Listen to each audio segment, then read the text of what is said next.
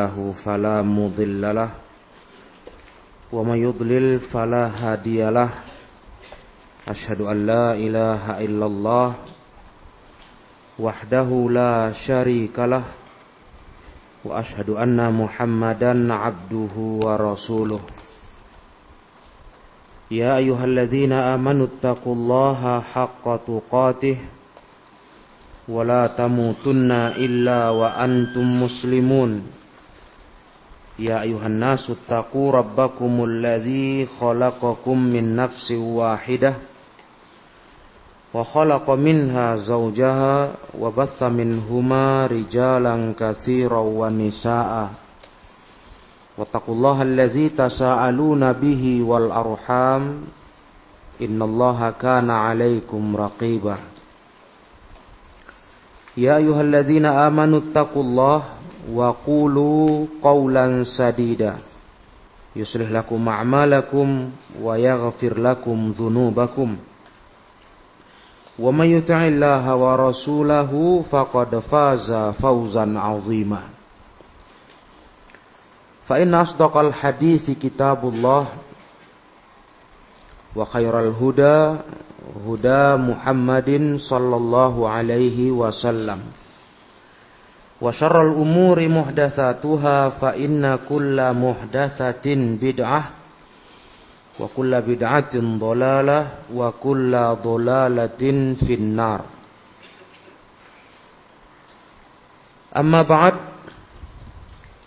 para jemaah kaum muslimin yang dirahmati Allah. Melanjutkan pelajaran kitabul haji bab fadlihi wa bayani man furido alaihi. Kita sampai di hadis 599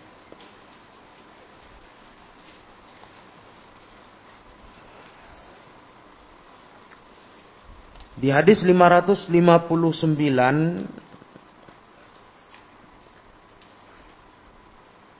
Al-Imam Ibnu Hajar Al-Asqalani rahimahullah membawakan hadis dari sahabat Ibnu Abbas radhiyallahu taala anhuma. Beliau berkata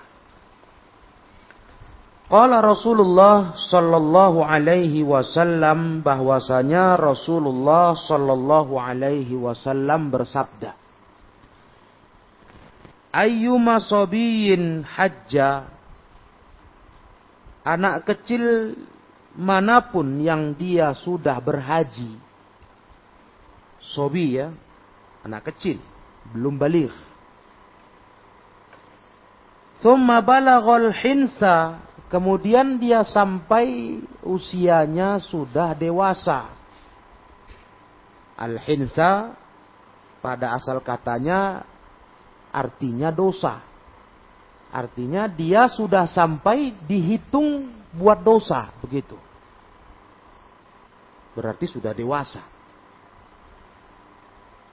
Fa'alaihi ayyahujja hajjatan ukhra. Kalau dia sudah dewasa dan dia mampu untuk berhaji, dia wajib berhaji sekali lagi. Haji dia waktu masih anak-anak itu belum bisa menutupi kewajiban berhaji. Jikalau dia di, di saat dewasa sudah mampu untuk berhaji. Berangkat lagi. Wajib berhaji sekali lagi. Wa ayyuma abdin hajja thumma utiqa.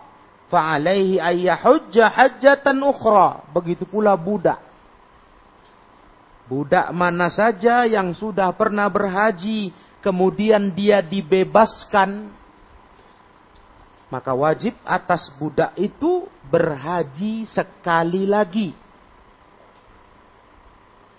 Di saat dia sudah jadi orang merdeka. Karena waktu dia sebagai budak, hajinya tidak menutupi kewajiban hajinya di saat dia sudah jadi orang merdeka. Hadis ini dikeluarkan Imam Ibnu Abi Syaibah dan Imam Al-Baihaqi. Warijaluhu thiqat illa annahu ikhtulifa fi raf'i wal mahfudhu annahu mauquf. Para perawi atau rijal hadis ini ini semuanya orang terpercaya. Namun diperselisihkan apakah hadis ini sampai ke Nabi atau hanya ucapan sahabat. Itu saja yang diperselisihkan ulama. Adapun secara ilmu sanatnya, para orang-orang rijal dalam riwayat ini semuanya orang terpercaya. Hadis ini para jemaah yang saya muliakan, tentu ini melengkapi kajian kita di hadis sebelumnya. Karena hadis sebelumnya ada bahasan kita tentang haji anak kecil. Hajinya sah. Sah dalam arti boleh dia berhaji di bawah orang tua. Orang tua berpahala dengan membawa anaknya yang kecil berangkat haji. Akan tetapi, sebagaimana di kajian hadis sebelumnya, kita sudah terangkan fikih dari para ulama, anak ini harus mengulangi hajinya kalau dia dewasa dan mampu. Malam ini kita ketemu hadis khusus tentang itu. Ini dia hadis 599. Langsung Nabi mengatakan dalam hadis ini bahwa bahwasanya siapa yang haji waktu kecil, anak-anak, kemudian waktu dewasa dia mampu kembali berhaji, dia wajib mengulangi hajinya lagi.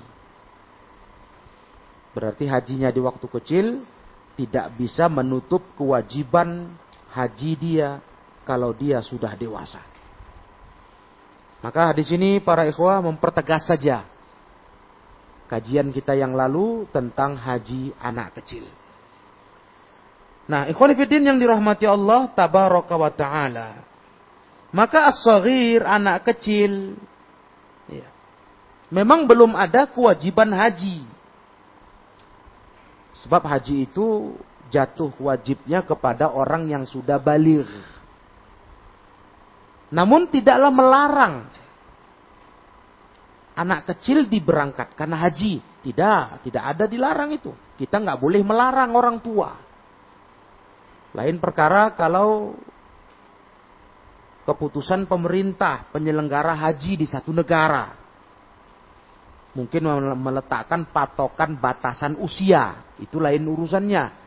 Itu tentu dengan pertimbangan kemaslahatan yang dipandang untuk seluruh masyarakat. Adapun kalau ada izin dari negara karena haji itu bersama pemerintah. Itulah manhaj ahli sunnah. Haji itu mabin berjalan, berlaku bersama penguasa. Iya. Diatur, diurus pemerintah. Itu haji. Maka ketika pemerintah punya keputusan anak kecil dengan batasan usia ke bawah dari patokan maksimalnya atau minimalnya, itu kita patuhi. Nggak boleh kita menghujat keputusan itu. Karena itu menyangkut kemaslahatan seluruh masyarakat. Ada dasar pertimbangan-pertimbangan. Nggak bisa kita berdalih dengan hadis ini. Toh Nabi SAW nggak melarang. Dan Nabi ketika ditanya apakah ada anak kecil ini haji oleh seorang sahabiah, Nabi katakan, "Na'am, ada." Ini kondisinya kalau tidak ada pengaturan para ikhwah ya. Tidak ada pengaturan dari pemerintah penyelenggara haji untuk meletakkan patokan usia, batasan usia paling kecil seberapa. Nah, ketika ada seperti sekarang di Indonesia ini ada. Ya sudah, kita nggak paksakan walaupun kita berharta untuk membawa anak kecil haji. Ya, jangan dipaksakan. Karena itu adalah sebuah peraturan untuk kemaslahatan banyak kaum muslimin, masyarakat.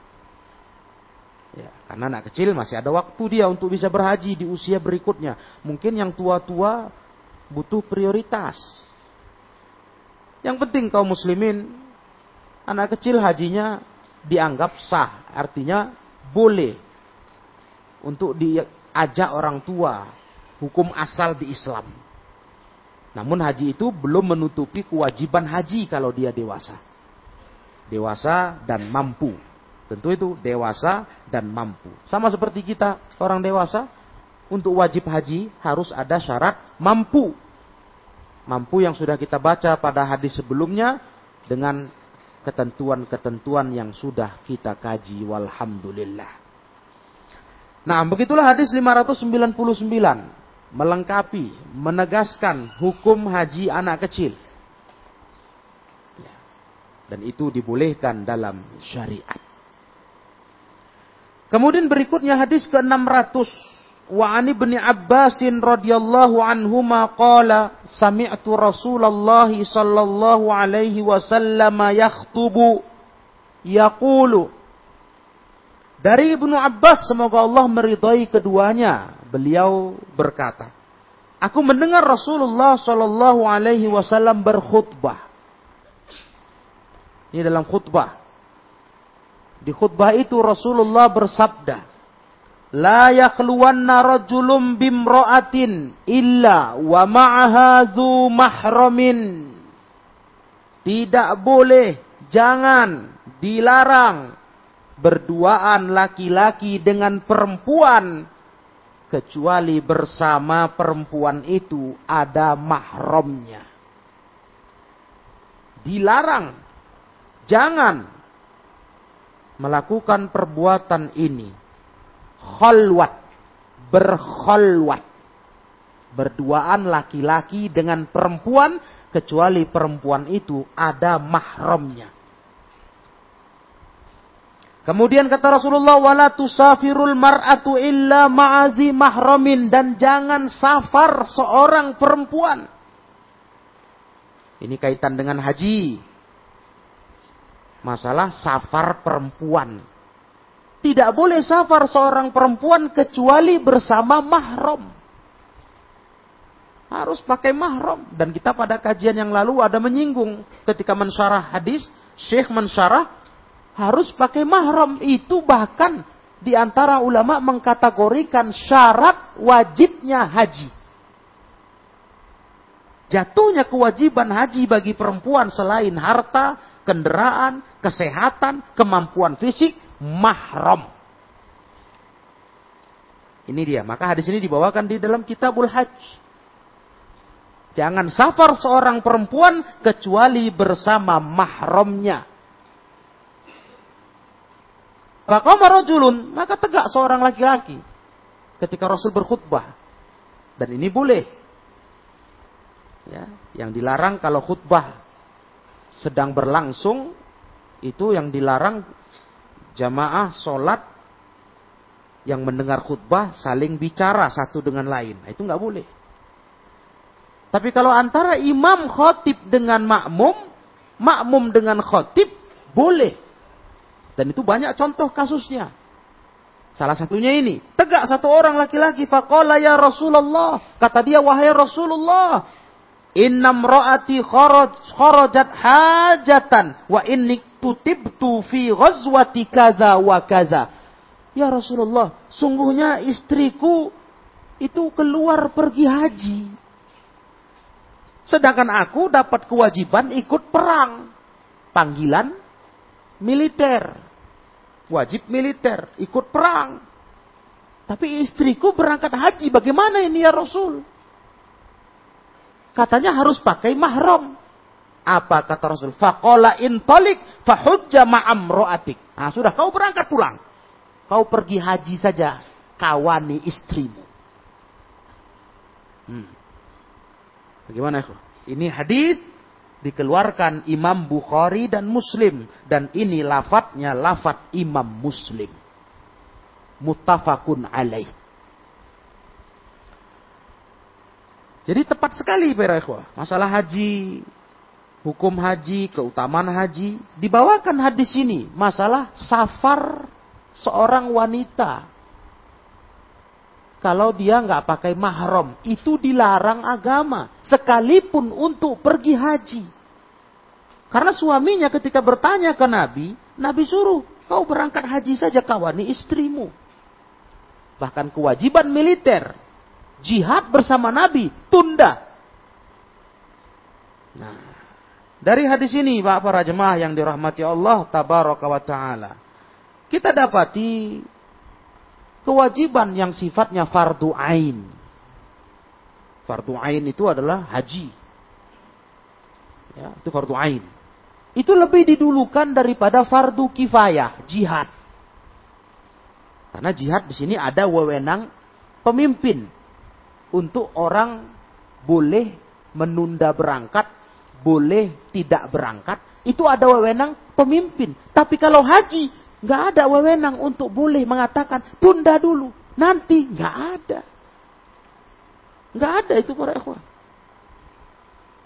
Sampai-sampai para ulama menjelaskan dalam kitab-kitab mereka. Karena ini fardu ain, fardu ain.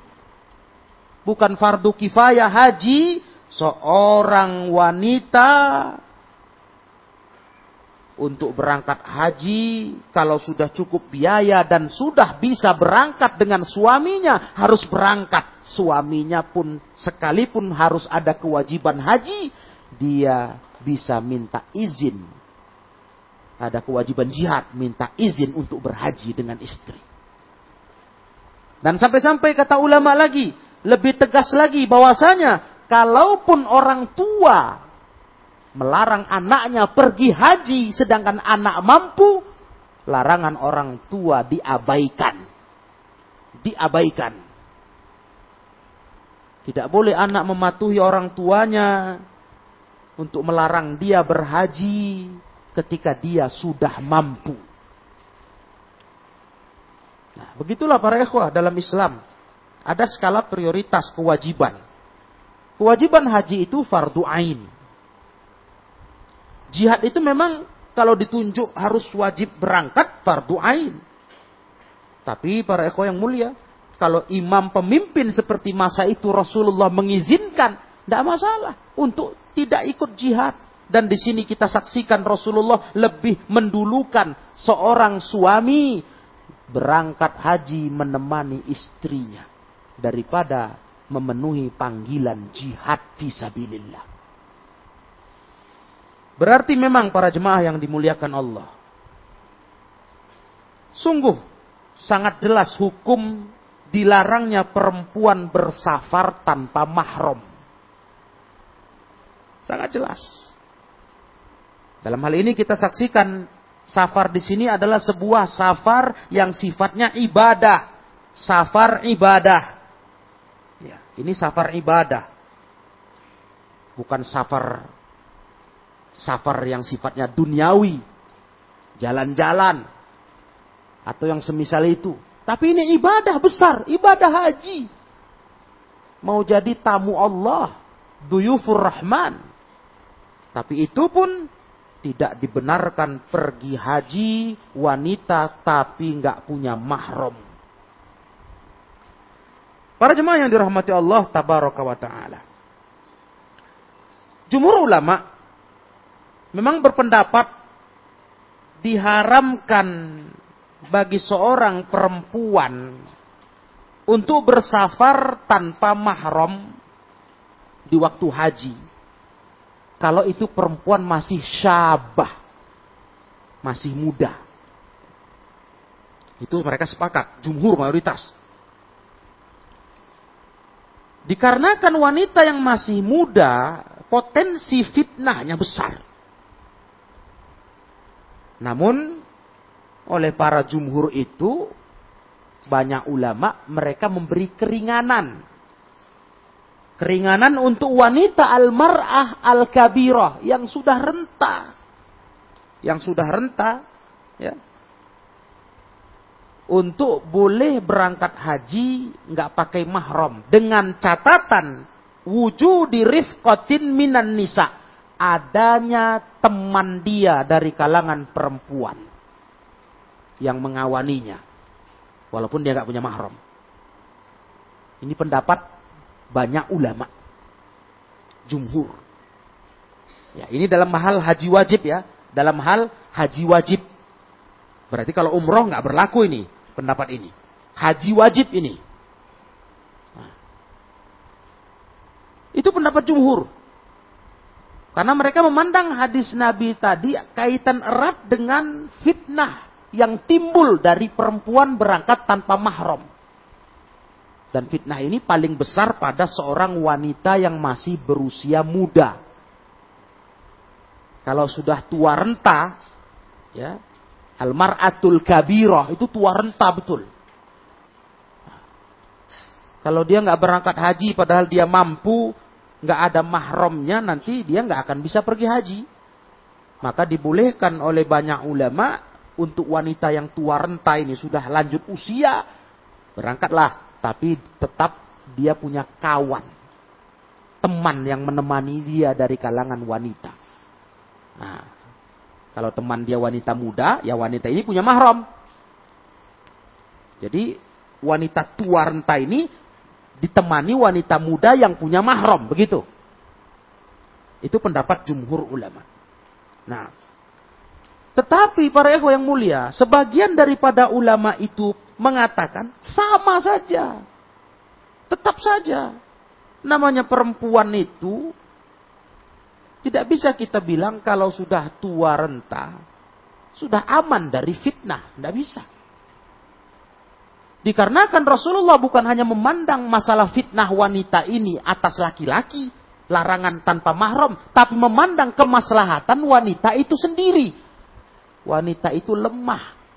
Dia tetap butuh pendamping untuk menemaninya, melayaninya, membantunya ketika sulit. Apalagi haji itu perjalanan berat. Dan pendapat kedua ini para ikhwah yang mulia yang lebih dekat kepada kebenaran. Artinya kita tidak menutup mata melihat perselisihan ulama. Bahkan di dalam pelajaran mahram ini, kewajiban berangkat haji pakai mahram, saya dapati sebuah faidah penting untuk menepis menepis tuduhan bahwa dakwah ahli sunnah salafiyah ini fanatik kepada kelompok atau tokoh tertentu. Seperti sosok yang sangat kita kenal dengan keilmuannya Syekhul Islam Ibnu Taimiyah. Kenapa ya? Pelajaran ini menjadi sebuah catatan penting untuk para jemaah yang saya muliakan. Dakwah ini nggak kenal fanatik-fanatik tokoh. Bodoh itu. Beragama kok fanatik tokoh. Dan dakwah ini nggak pernah begitu. Makanya orang bilang ini pengikut Ibnu Taimiyah ini. Itulah kata mereka. Nah, ini bukti ikhwah. Mungkin ikhwah punya buku panduan haji fatwa-fatwa. Coba baca di situ fatwa Syekh bin Bas, Syekh Utsaimin, baca. Apa kata para ulama-ulama Saudi? Wanita safar tanpa mahram berangkat haji tetap haram. Enggak peduli para ekor yang dimuliakan Allah. Apa pun kondisinya, wanita berangkat safar haji tanpa mahram dilarang. Ya, dilarang. Hmm. Ternyata Ibnu Taimiyah yang katanya dituduhkan ulama-ulama kita zaman ini fanatik kepada tokoh terdahulu di antaranya Ibnu Taimiyah rahimahullah. Ternyata para ikhwah Ibnu Taimiyah Syekhul Islam dalam kitab Al-Ikhtiyarat menukilkan pendapat beliau. Kata beliau, "Wa tahujju kullu aminah boleh wanita itu pergi haji sepanjang dalam kondisi aman tanpa ma'adami mahram. Nggak pakai mahram. Tuh. Nggak fanatik kan? Perlu info tahu ini. Karena orang selalu menghujat. Nah ini kan kaki tangan Ibnu Taimiyah katanya. Wahabiyah Ibnu Taimiyah katanya. Tidaklah. Nah, atau dituding ulama-ulama Saudiah itu hambalia, fanatik. Tidak. Ini contoh bukti. Fatwa itu kita tahu lama. Syekh bin Bas bahkan membuat risalah tipis. Dinukilkan dari beliau dibuat risalah. Dibagi itu ke jemaah haji. Kesalahan-kesalahan jemaah haji Indonesia. Dalam bahasa Arab diterjemahkan. Itu dibagi gratis. Salah satu isinya. Pergi haji tanpa mahram. Andai kata betul ulama Saudiyah di sana fanatik kepada Ibnu Taimiyah, mestinya Mereka mencatatkan di situ. Dilarang kalau kondisi jalan nggak aman. Kalau aman, silahkan pergi haji tanpa mahram. Karena kata Ibnu Taimiyah, li zawalil illah. Sebab alasan dilarangnya sudah nggak ada. Kalau aman kan berarti fitnahnya kan nggak perlu dikhawatirkan. Kan begitu. Nah, itu Ibnu Taimiyah rahimahullah. Ya. Kalau untuk safar yang sifatnya taat, apalagi haji kan safar taat, jelas ibadah, boleh nggak pakai mahram asalkan dia wanita terpercaya dan kondisi perjalanan aman. Ya kalau itu diukur ya, diukur-ukur zaman sekarang, ya cenderung aman. Iya kan? Aman. Tapi para ikhwah yang mulia, tetap al-haq itu tidak dinilai dengan cakap siapa. Enggak. Dan saya sudah katakan kepada para jemaah, kita bukan dengan ini tidak mengakui kaliber ilmunya Ibnu Taimiyah. Siapa yang tidak kenal Ibnu Taimiyah? Syekhul Islam, lautan ilmu, yang punya majmu fatawa puluhan jilid. Tapi tetap kebenaran itu harus di atas ilmu, bukan dipandang siapa yang bicara. Ini dia kelebihan dakwah ini. Ya memang begitu. Dan alhamdulillah patah sudah tuduhan-tuduhan itu. Dianggapnya ini sebuah jaringan kelompok ke bawah garisnya dari Ibnu Taimiyah katanya. Astagfirullah. Padahal kalau begitu ceritanya tentu Ibnu uh, Ibnu bin Bas, Syekh bin Bas, Abdul Aziz bin Bas dan para ulama Saudi menyatakan seperti pendapat Ibnu Taimiyah. Kalau wanita itu aman, dirasa terpercaya dia tidak ada apa-apa di perjalanan haji, ya boleh aja nggak pakai mahram. Apalagi sudah berusia. Nah, ikhwanifiddin yang dimuliakan Allah. Jadi itulah indahnya ilmu. Kalau secara dalil, zohir dalil, ini yang tepat sebagaimana pendapat keumuman para ulama memandang zohir hadis itu. Bahwasanya seorang wanita tidak boleh safar tanpa mahram. Kita nggak bisa katakan itu kalau kondisi kondisi safar nggak aman, nggak bisa. Tetap fitnahnya nggak pakai mahram itu besar. Dulu waktu kita belajar kitab Mulakhasul Fikhi, saya sampaikan ke ikhwah sebuah pengalaman. Pengalaman seorang ulama pengajar di Masjidil Haram. Seorang syekh punya majelis di Masjidil Haram, saya duduk di situ di musim haji itu. Beliau cerita. Ada seorang laki-laki, seorang laki-laki datang kepada beliau mengadukan. Minta pendapat, apa nasihatmu ya Syekh? Saya buat dosa di musim haji ini. Apa dosamu? Saya ada pernah kenal wanita di negeri saya. Tahu-tahu ketemu kami di sini. Dia pergi haji sendiri tak punya suami. Karena pernah kenal ngobrol-ngobrol. Entah apa ceritanya, entah bagaimana syaitan bermain. Kami pun berzina ya Syekh. Subhanallah. Inilah wanita kalau nggak pakai mahram. Akhirnya jatuh ke dosa yang paling besar. Dari antara dosa-dosa besar yang banyak di tanah haram di musim ibadah haji. Bagaimana ini? Ini langsung kata Syekh di majelis itu, dia datang ke saya, dia tanya. Nah, waktu itu beliau pun menyinggung masalah safarnya wanita tanpa mahram. Makanya hilanglah semua pendapat-pendapat orang yang berkata, ya kita sedang perjalanan ibadah. Hati kita bersih, jangan terlalu curiga. Nah, yang membela-bela tetap ingin membuka jalan menampung wanita-wanita nggak bersuami, nggak punya mahram, ikut haji kerombongannya dengan cara bisnis beli mahram. Itu bisnis itu. Bisnis tipu daya. Sekian mahal status beli mahram. Jadi membela kesalahan itu hanya untuk bisnis keuntungan dunia. Terus dicatut-catutnya nama Ibnu Taimiyah. Jadi baik dia sama Ibnu Taimiyah di kasus itu. Di kasus itu ya, Pak.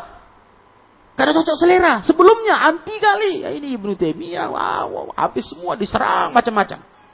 Begitu cocok selera, ah, ramah dia dengan Ibnu Taimiyah. Cobalah para jemaah yang dirahmati Allah.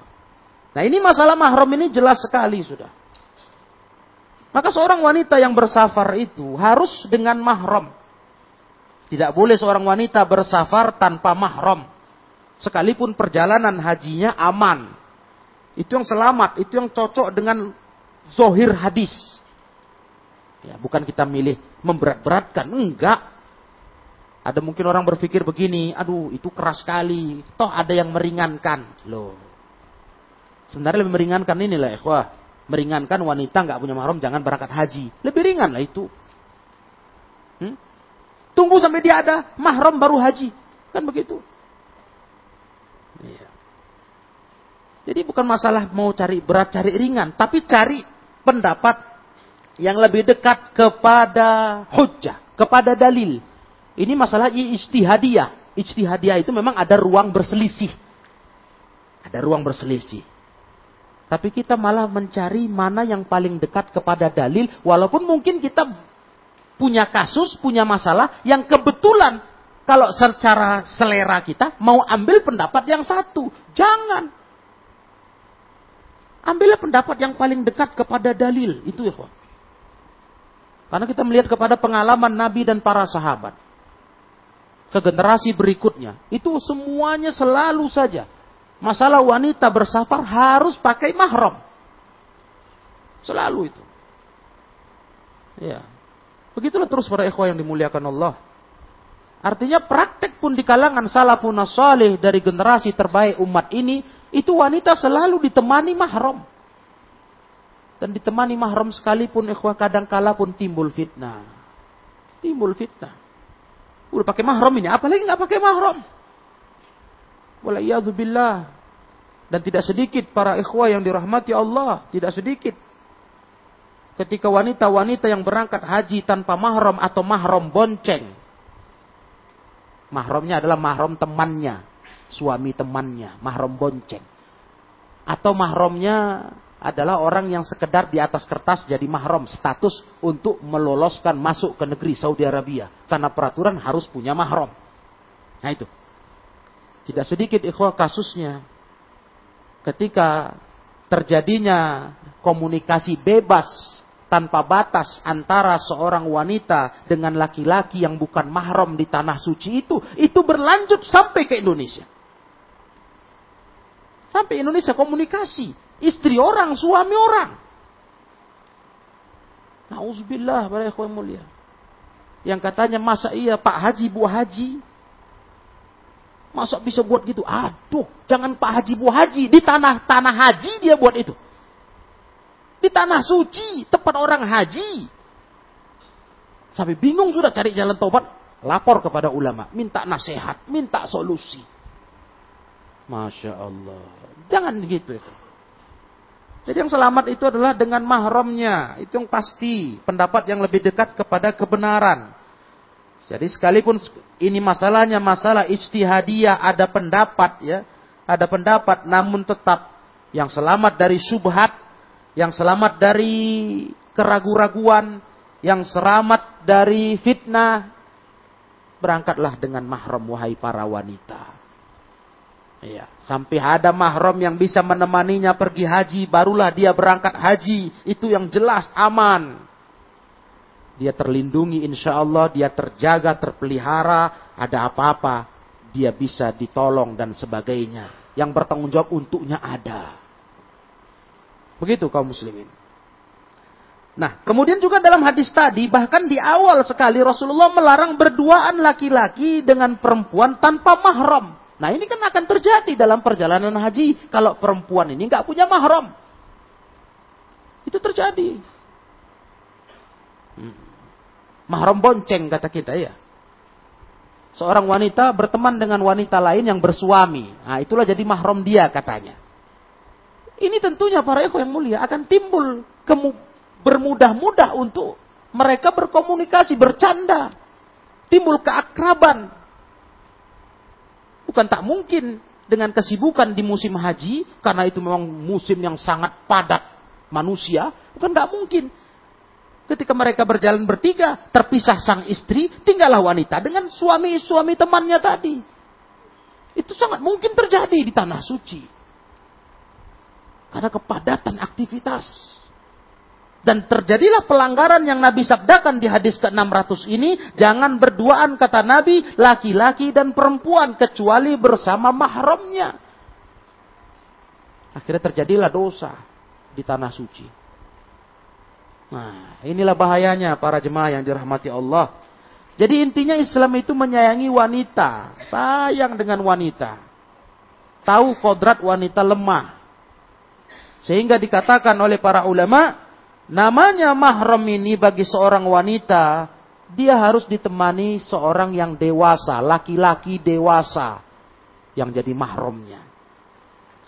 Yang memang laki-laki itu haram bagi dia. Sebagai mahram artinya haram baginya. Ada hubungan kemahroman. Itulah yang jadi mahram dia. Adapun anak kecil yang belum balik tidak bisa jadi mahram. Apalagi sesama wanita. Sebanyak apa pun wanita-wanita berkumpul, mereka semua butuh mahram. Tiap orang butuh mahram. Nggak bisa satu dengan lainnya memahromi. Nggak bisa. Nah, mereka semua butuh mahram. Makanya kumpulan para ibu-ibu pengajian.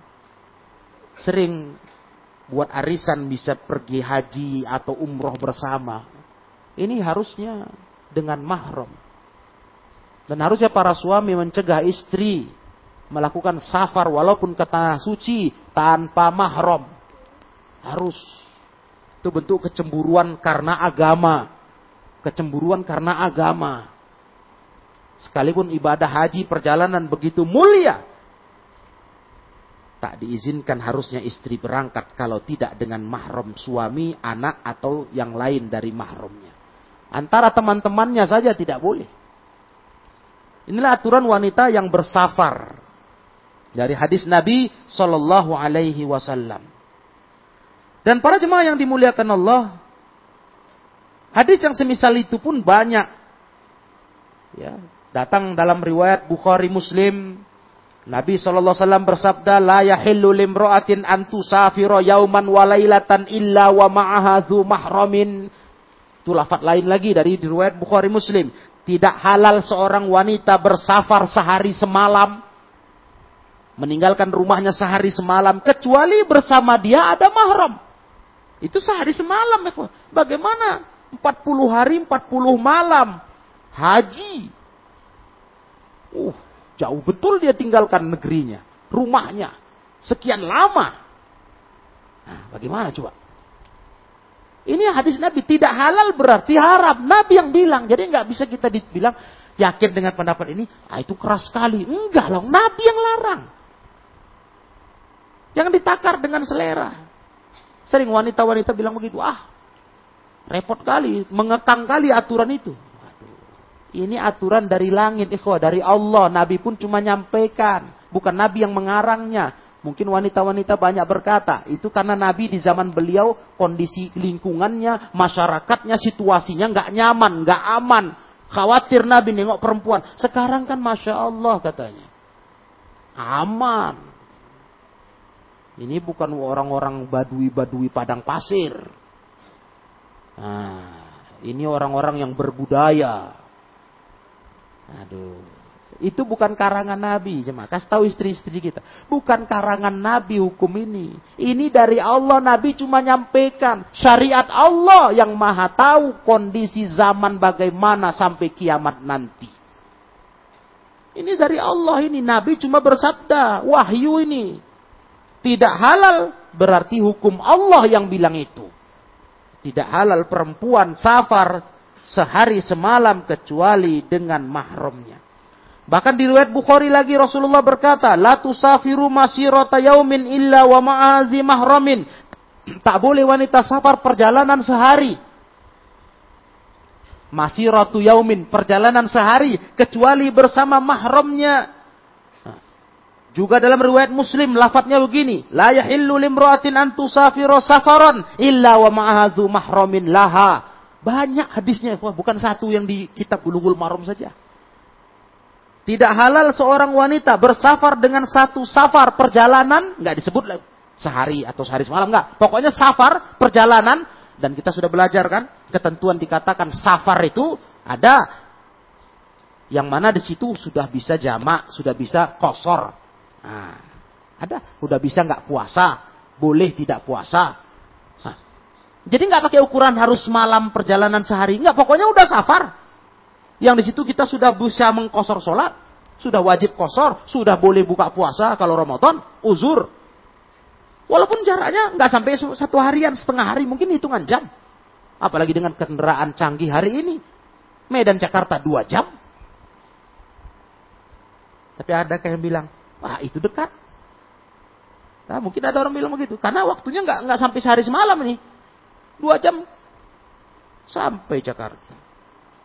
Nah, jadi bukan itu para ikhwan. Yang penting safar, bukan masalah kalau orang mau berpatok kepada sehari semalam dalam riwayat Bukhari Muslim. Tadi riwayat Bukhari sehari, jalan sehari. Enggak. Tapi di riwayat Muslim malah Rasul katakan. Pokoknya safar. La yahillu antusafiro safaron.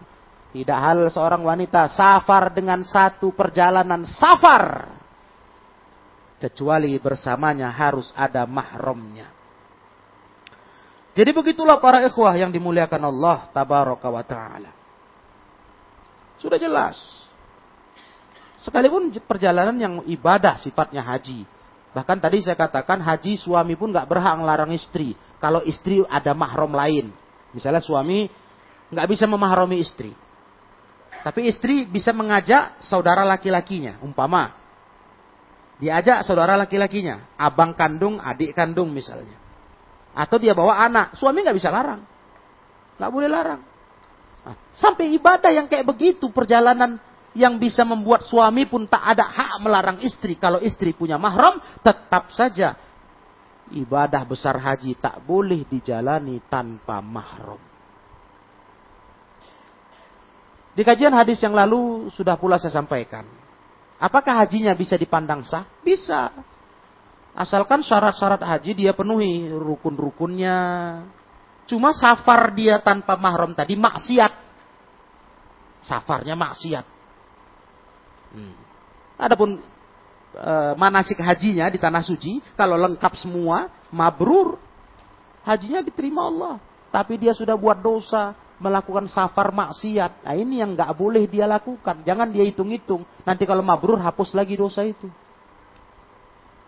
Kalau itu cerita hidup nih, wah, kita bakalan jadi pendosa terus. Karena banyak kali penghapus dosa bukan haji mabrur.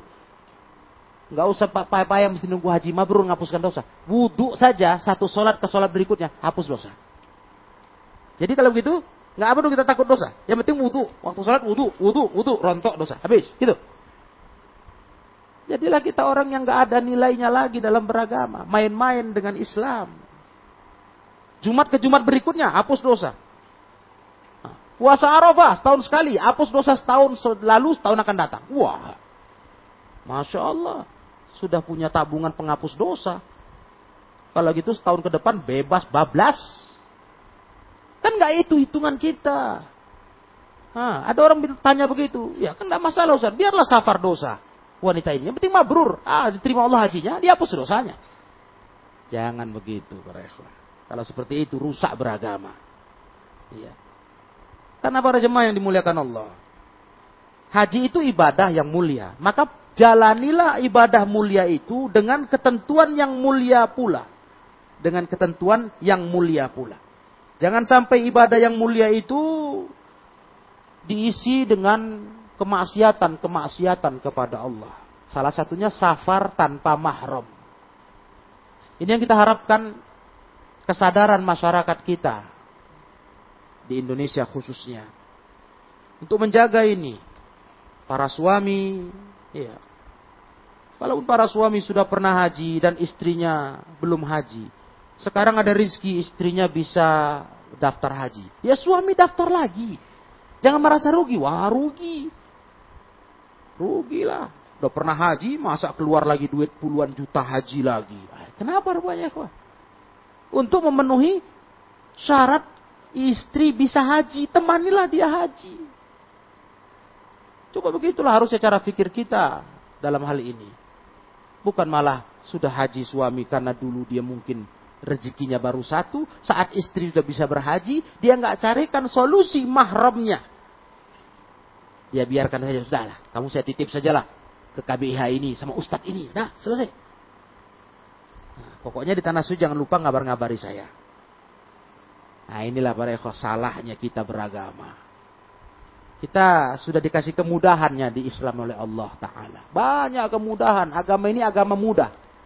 Din, agama yang yusrun, penuh kemudahan. Tapi kita masih kayak kurang mudah. Mau cari yang lebih mudah lagi. Yo. Padahal sudah penuh kemudahan agama ini. Kemudahan. Nggak bisa begini, begini, nggak bisa begini, begini. Ada solusi-solusinya. Tapi kita mau lebih lagi, lebih lebih mudah lagi. Ya, ini salahnya. Sudah di luar pagar syariat. Jadi cukupkanlah ikhwah dengan agama ini, terutama masalah mahram ini, ya cukupkan supaya kita nggak melanggar lagi apa yang tadinya kita baca di kelengkapan hadis ini, masalah kholwat ini. Masalah kholwat ini tentu akan terjadi nanti kalau tanpa mahram berhaji. Lihat sajalah sudah. Masalah khalwat ini al alangkah teramat, teramat dibebaskan kayaknya dilanggar hari ini di masyarakat. Bermudah-mudah sekali. Masalah berduaan dengan perempuan gak mahram ini bermudah-mudah sekali. Islam ini punya prinsip saduz zari'ah.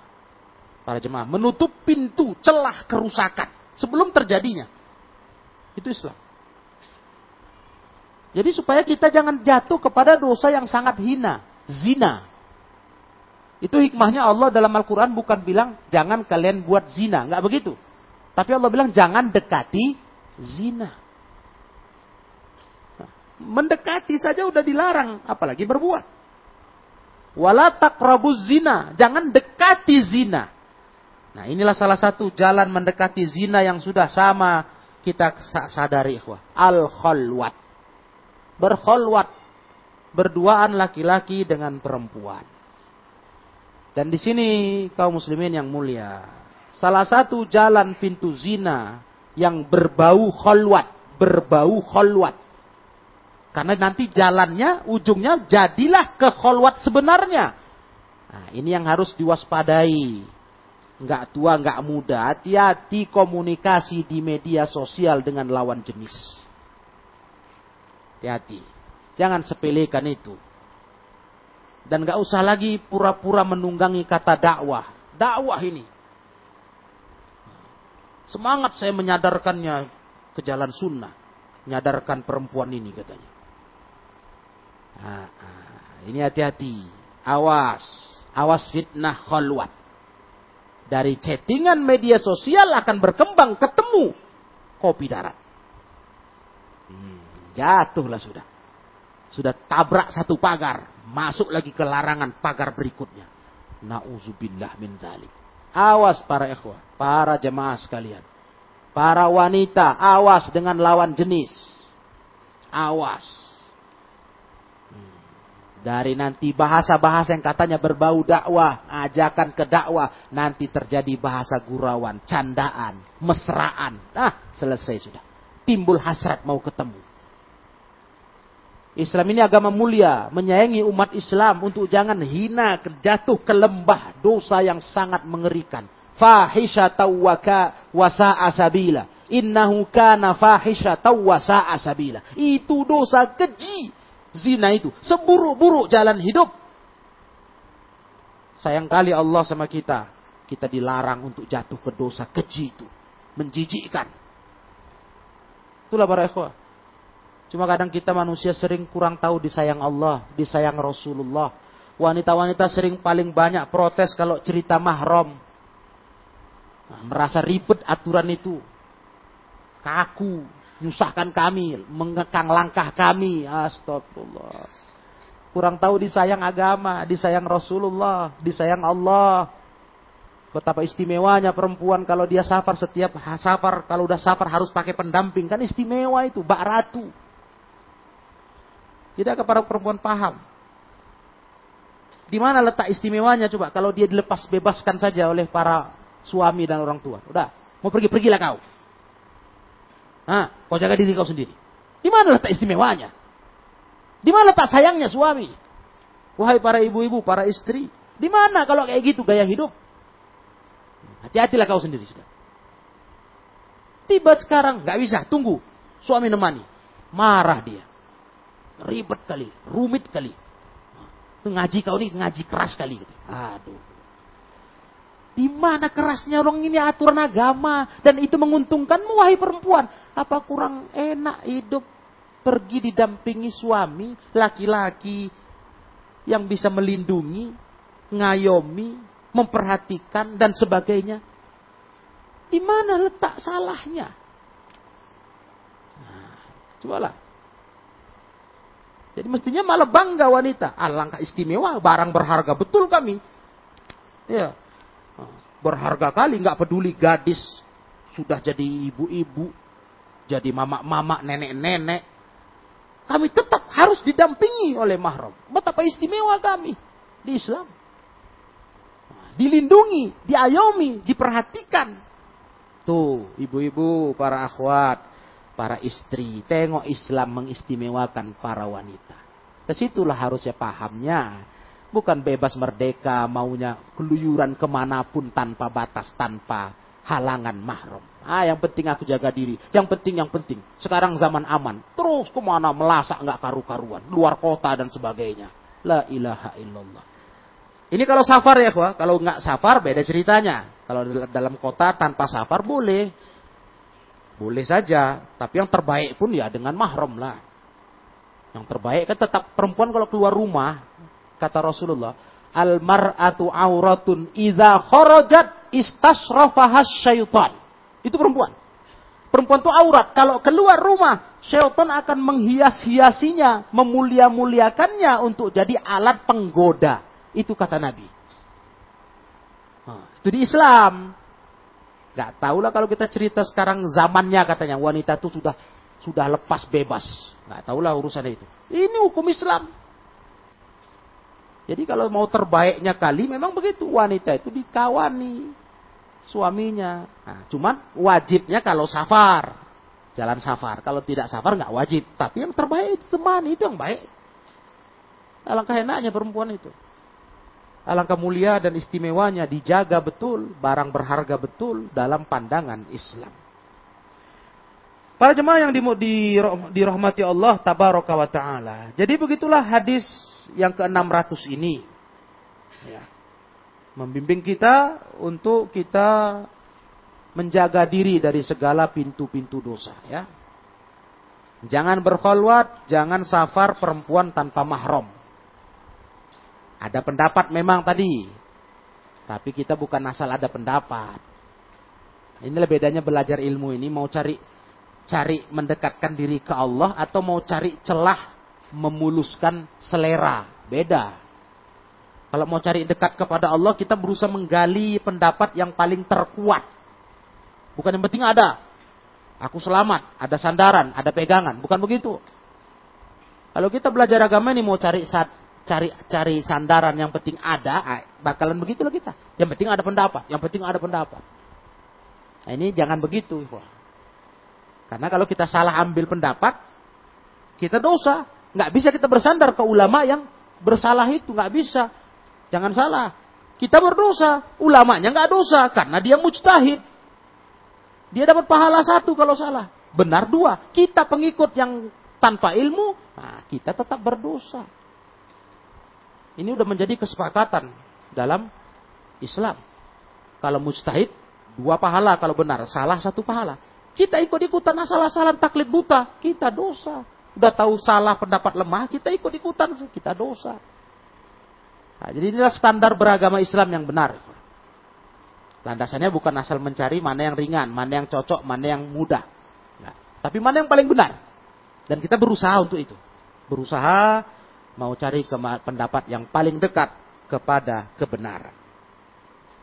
Kemudian para jemaah yang mulia, hadis yang berikutnya, wa ani bin Abbas radhiyallahu anhuma anna Nabi sallallahu alaihi wasallam sami'a rajulan yaqulu labbaika an subrumah qala man subrumah qala akhun li au qaribun li faqala hajjta an nafsik qala la qala hajja an nafsika hujja an nafsika thumma hujja an subrumah rawahu Abu Dawud wa Ibnu Majah wa sahahu Ibnu Hibban warajih inda Ahmad waqfuhu.